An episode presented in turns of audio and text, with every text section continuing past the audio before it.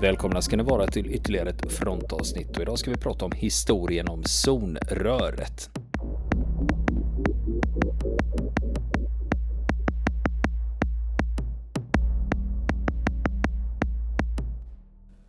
Ja du Niklas, eh, zonröret var vi tillbaka till eh, igen. Ja, men det fanns ju mer att berätta om det än vad jag trodde när jag började titta på det här. var det ju.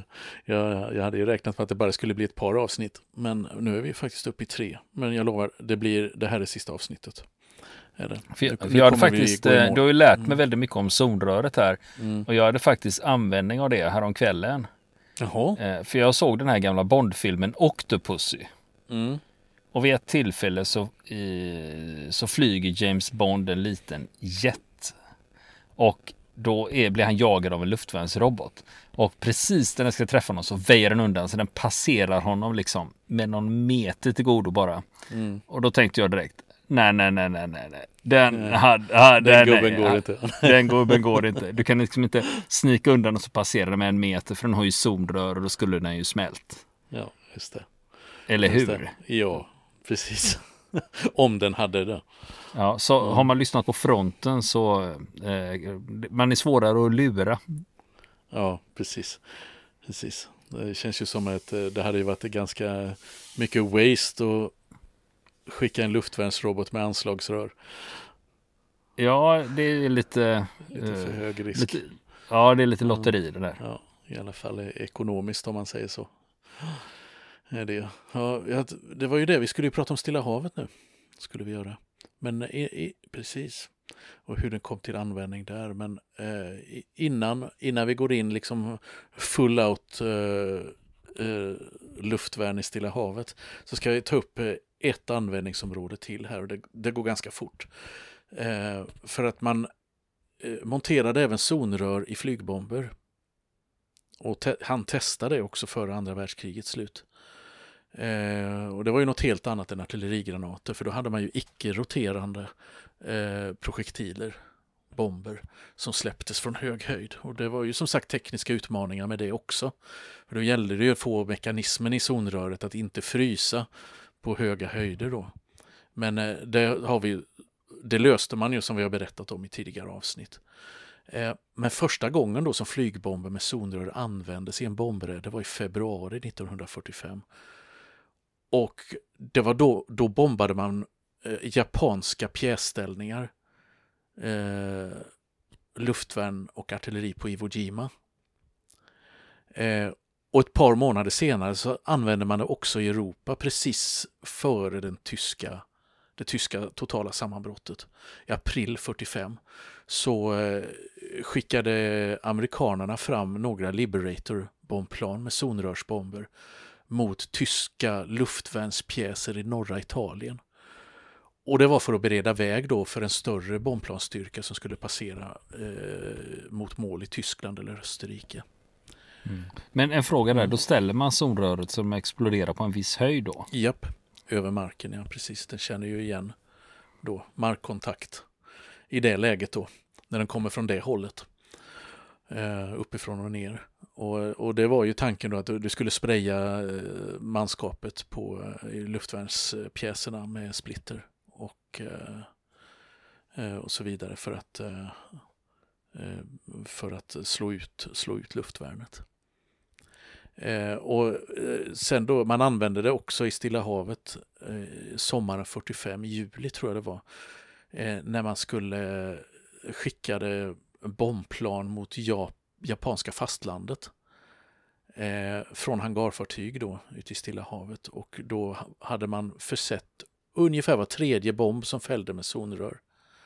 Och just för att tysta luftvärnet innan resten av bombplansstyrkan då flög in över målet.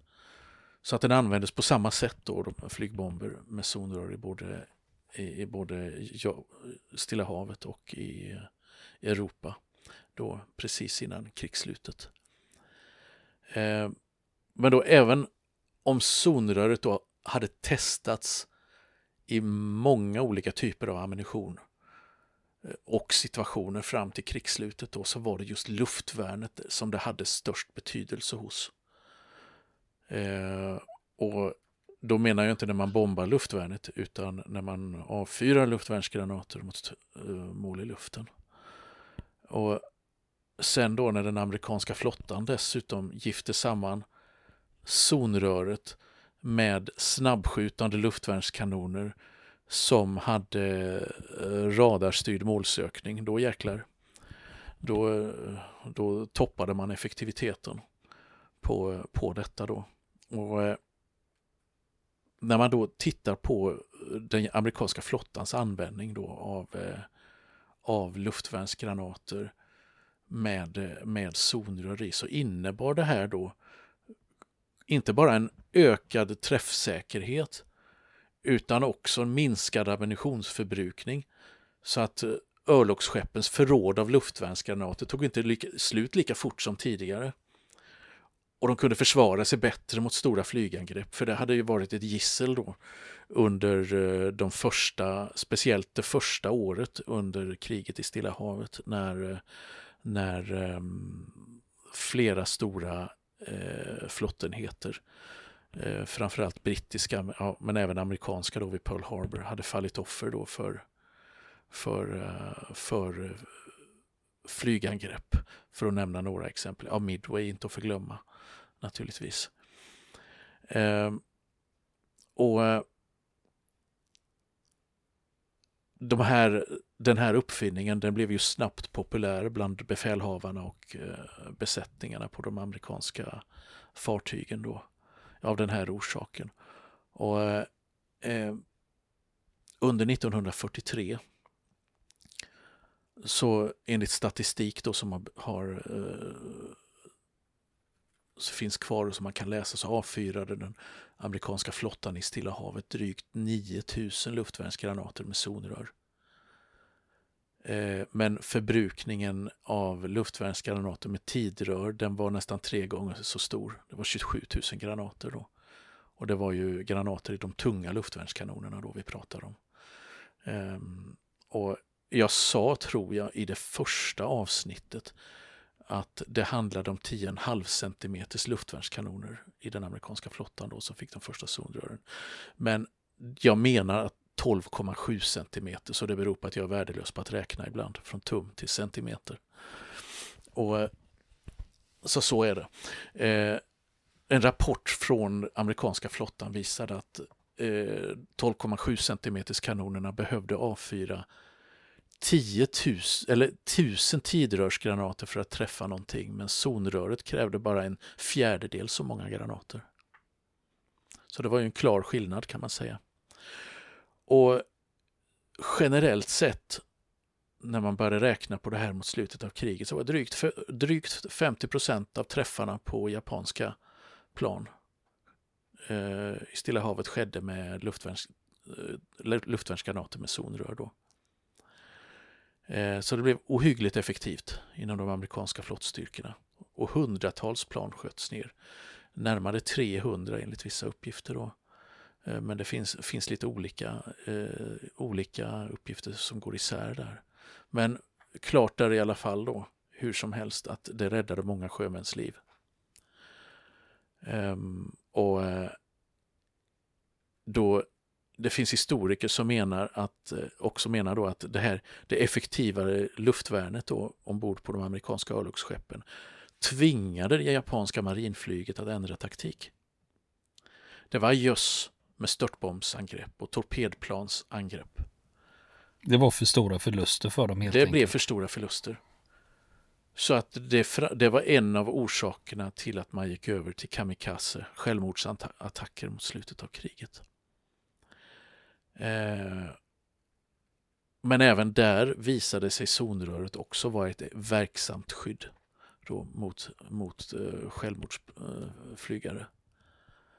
Och bara få ta ett exempel då, ett av de allra, eh, de som verkligen sticker ut här. Så under invasionen av Okinawa eh, söder om de japanska huvudöarna, så fram i maj 1945, eh, då befinner sig två amerikanska jagare utanför Okinawas kust. Då. De är en del av invasionsflottan då, men är lite, lite avsides. Och blir plötsligt attackerade av självmordspiloter. Inte 10 stycken, inte 15, utan mer än 150 plan. Men med hjälp av de här zonrörs, eh, luftvärnsgranaterna med zonrör så lyckas de här jagarnas luftvärn skjuta ner nästan alla planen. Det var bara sex plan, eller vrakdelar av dem, som tog sig igenom den här skärmen med luftvärn. Och, eh, så att det låter lite grann som en overklig scen ur ett krigsspel på datorn ungefär. Gör det. Och, eh, och ögonvittnen har sagt att horisonten brann av, eh, av eh, flygplan kan man säga som störtande flygplan. Ehm, och det var ju så att japanerna aldrig riktigt fattade vad det var de utsattes för. Visst, de misstänkte att amerikanerna hade löst det här zonrörsproblemet. Men de kunde aldrig lista ut hur. Och efter kriget så berättade eh, japanska källor då eh, fångar på, eh, ja, på hög nivå då att det just var det amerikanska luftvärnets kusliga träffsäkerhet som hade fått dem att överge störtbombsattacker och torpedplansattacker. Just på grund av att, eh, att eh, de var dömda att misslyckas på förhand. Ehm, och det var ju även så då att eh, luftvärnsprojektilerna i Stilla havet inte bara användes mot luftmål utan de användes även mot markmål under landstigningarna på japansk ockuperade öar, framförallt då Okinawa. För jag menar, en projektil är alltid en projektil och de kände ju av marken om man sköt dem tillräckligt lågt. Och de användes för att skjuta mot pjäsställningar som, det var, som var svåra att bekämpa med, eh, med artilleri.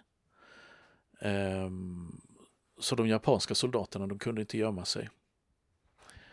Ehm, så att det här var ju en, eh, det här var ju en stor, eh, stor liksom, ja, genom, genom en massa kreativitet här så lyckades, så lyckades man finna många användningsområden eh, för det här då som man inte hade liksom tänkt på från början.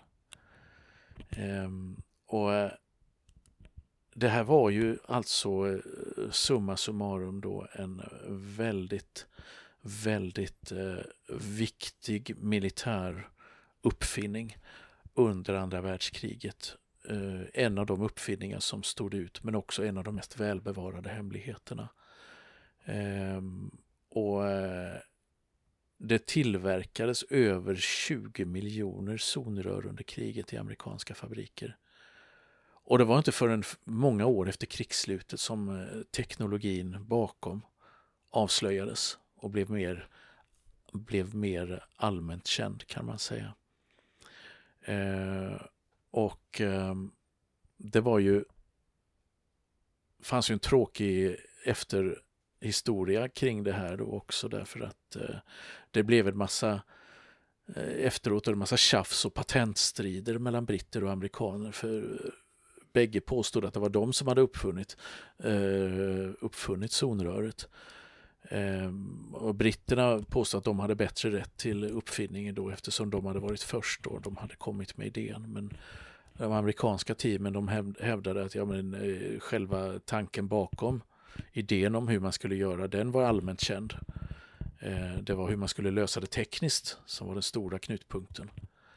Ehm, och efter mycket bråk i domstol så, så vann amerikanerna patentet på det här då. Men sen har det under, var det ju under kalla kriget då och det fanns ju andra stater kan man säga som började tillverka zonrör och gav blanka tusan i de amerikanska patenten då, som Sovjetunionen då, som började tillverka bland annat både granater och luftvärnsrobotar som, eh, som eh, innehöll de sovjetiska versionerna av zonröret. Då.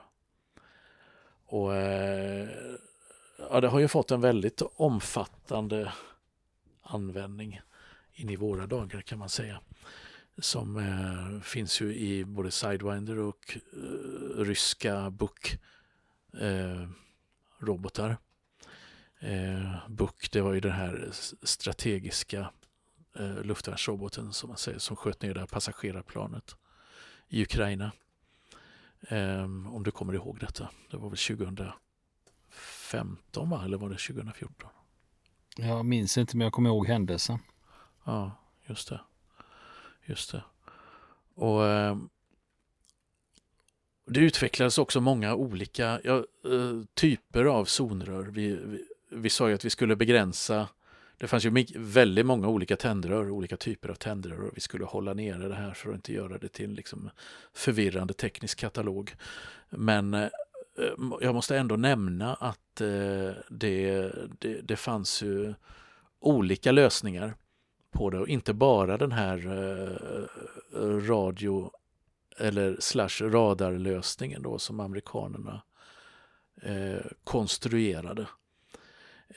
Utan det fanns ju det som britterna var inne på då med det optiska tändrör och som, eh, som redan hade eh, patenterats på 30-talet i Storbritannien. Och det faktiskt var en svensk uppfinnare som var, var inblandad som heter Edvard Brandt.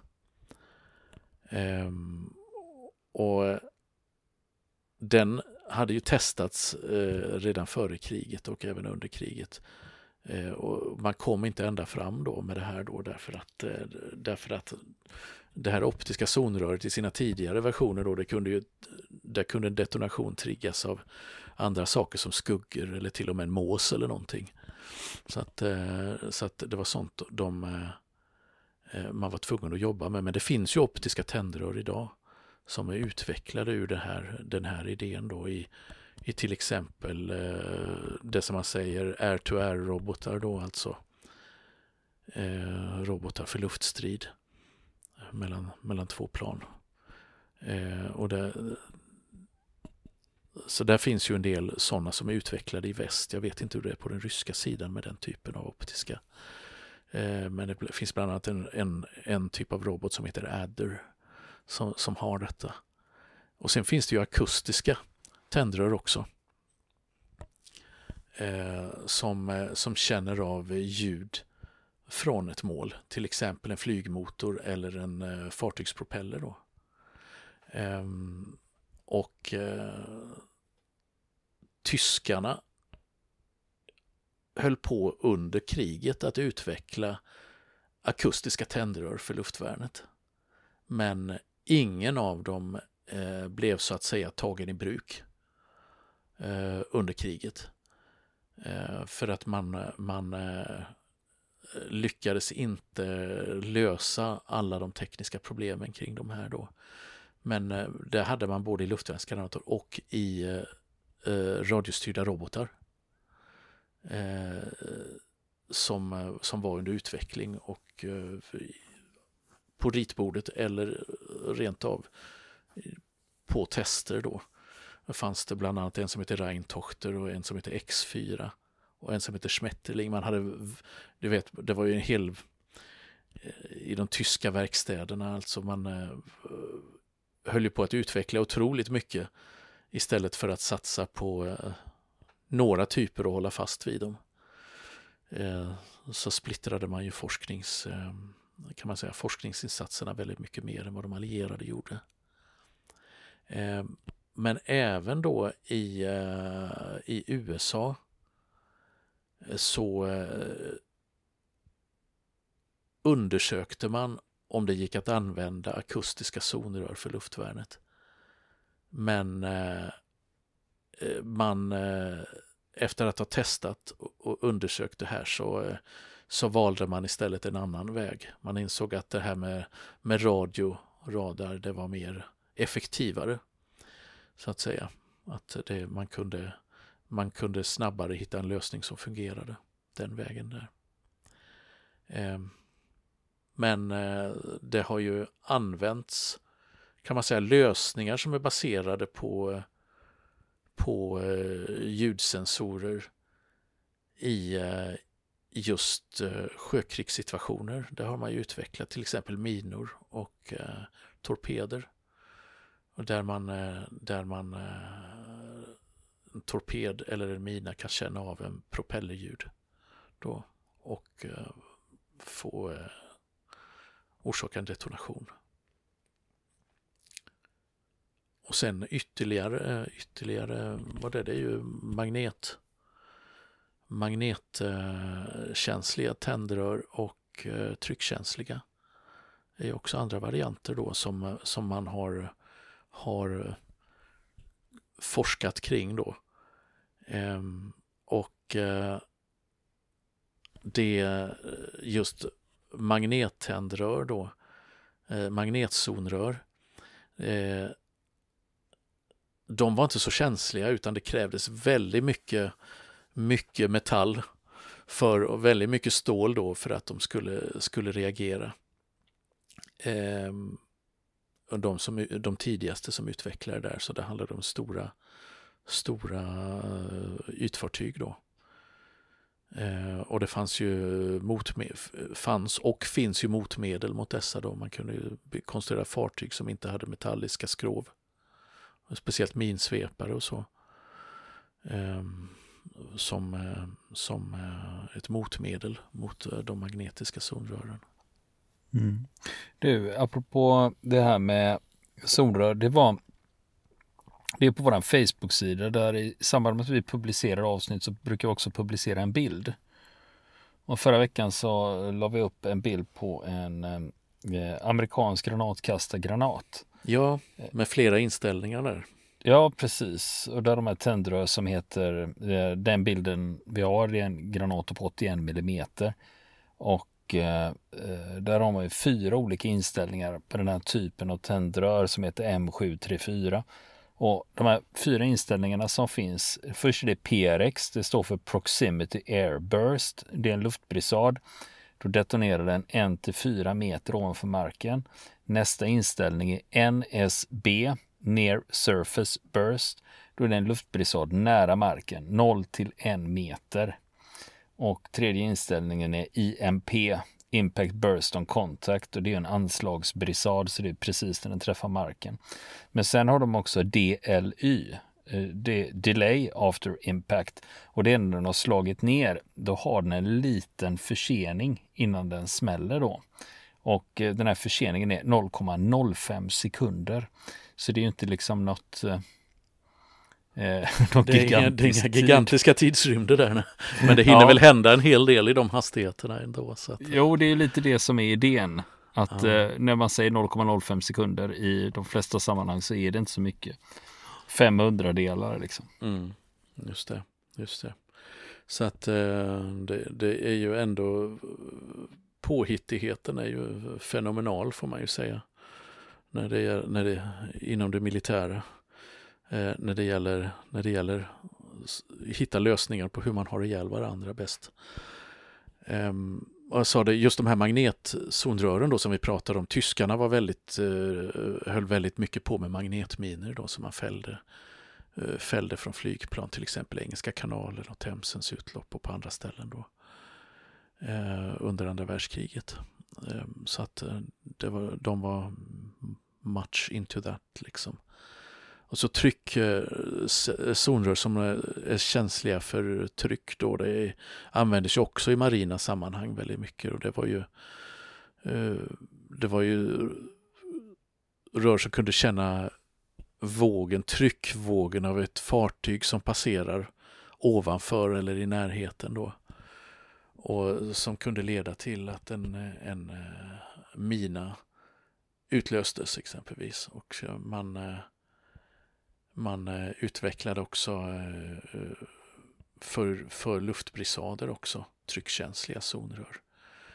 Ehm, och det fanns både i brittiska och tyska verkstäder sådana då under utveckling under andra världskriget. Så att det var det är egentligen mer än som går att skildra så här i detalj i, ett litet, i, i, i en liten podd om vi inte ska göra ännu fler avsnitt så att säga. Men eh, men eh, jag, jag, tycker att det här är, det här är um, får duga så långt, får det göra. Eh, vi brukar ju ibland tipsa om eh, eh, när, när, vi pratar om olika ämnen, om det finns en bra film eller bra bok kring det här. Men jag får säga, jag har ju inte hittat en bra zonrörsfilm. Vet du någon? Nej, då har jag, jag gillar ju flygfilmer. Jag har betat av Ja, flera av dem, men det ska ju göra sig bra på film också. ja just det. Just det. Det, det, kanske, det kanske inte är riktigt en uppfinning som, som eh, man skulle sätta i någon slags huvudroll på en, eh, en Hollywoodfilm. Eh, förvisso. Men är det någon där ute som, som faktiskt har en idé om, om en, om det finns någon film som där zonröret spelar en viktig roll så tveka inte att höra av er för vi är jättenyfikna. Och vi kommer givetvis förmedla detta, de här tipsen till alla andra som Mm. lyssnar på Och just det när, när det gäller film och tv-serier om flyg så Mm. eh, finns det ju en eh, Steven Spielberg-producerad serie som kallas för The Mighty Eight Mm. som är inspelad och alla går och väntar på premiär och det ryktas så mycket om vilka releasedatum det ska vara och den kommer att gå på Disney+. Så första budet var att det skulle vara första kvartalet 2023. Nu är vi i slutet av maj 2023 och vi har fortfarande inte sett något utan alla väntar med spänning då.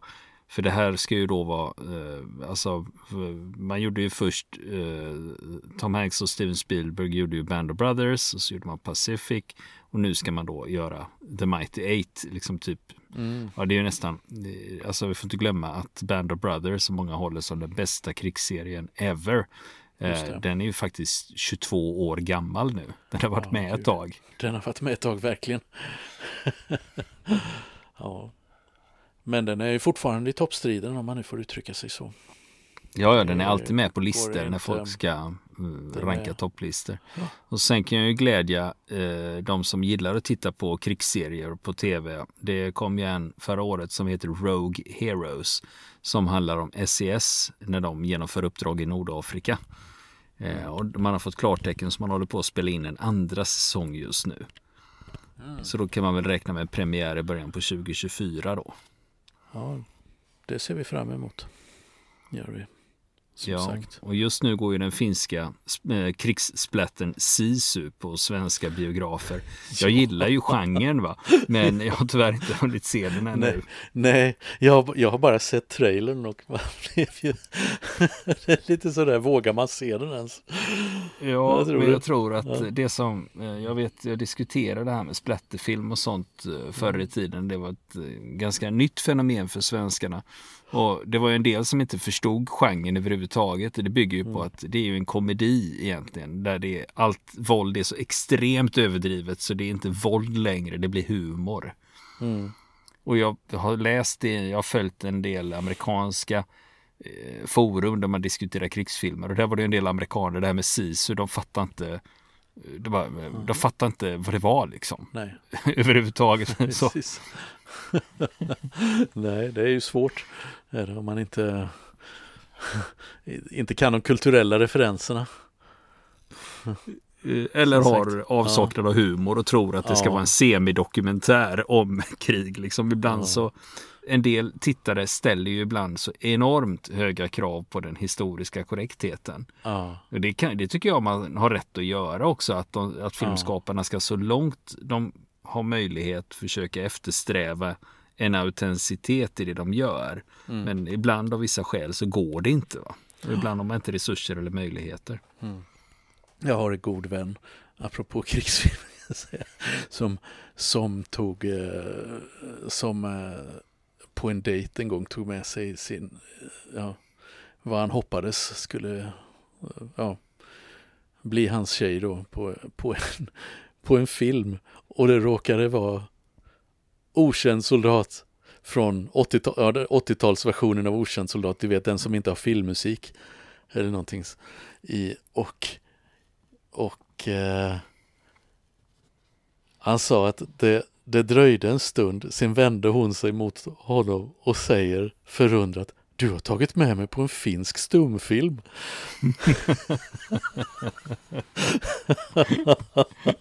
Ja ja, det gäller att välja där. Liksom. Ja, Ja. det blev inget där.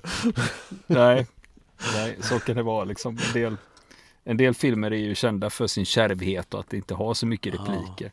Just det, Så just det. Så kan Lite det så, lite så. Ehm, Vi gör så här, med, medan vi pratar så har jag faktiskt gått in, satt på datorn. Jag har sökt på IMDB, ni vet filmuppslagsverket på, på nätet. Där kan man ju söka med olika nyckelord. Och jag har sökt på krigsfilmer med nyckelordet proximity fuse. Och jag får träffar. Oj! Ja, jag får fyra träffar på filmer som eh, där, där, där proximity fuse, eh, alltså zonrör, ger utslag.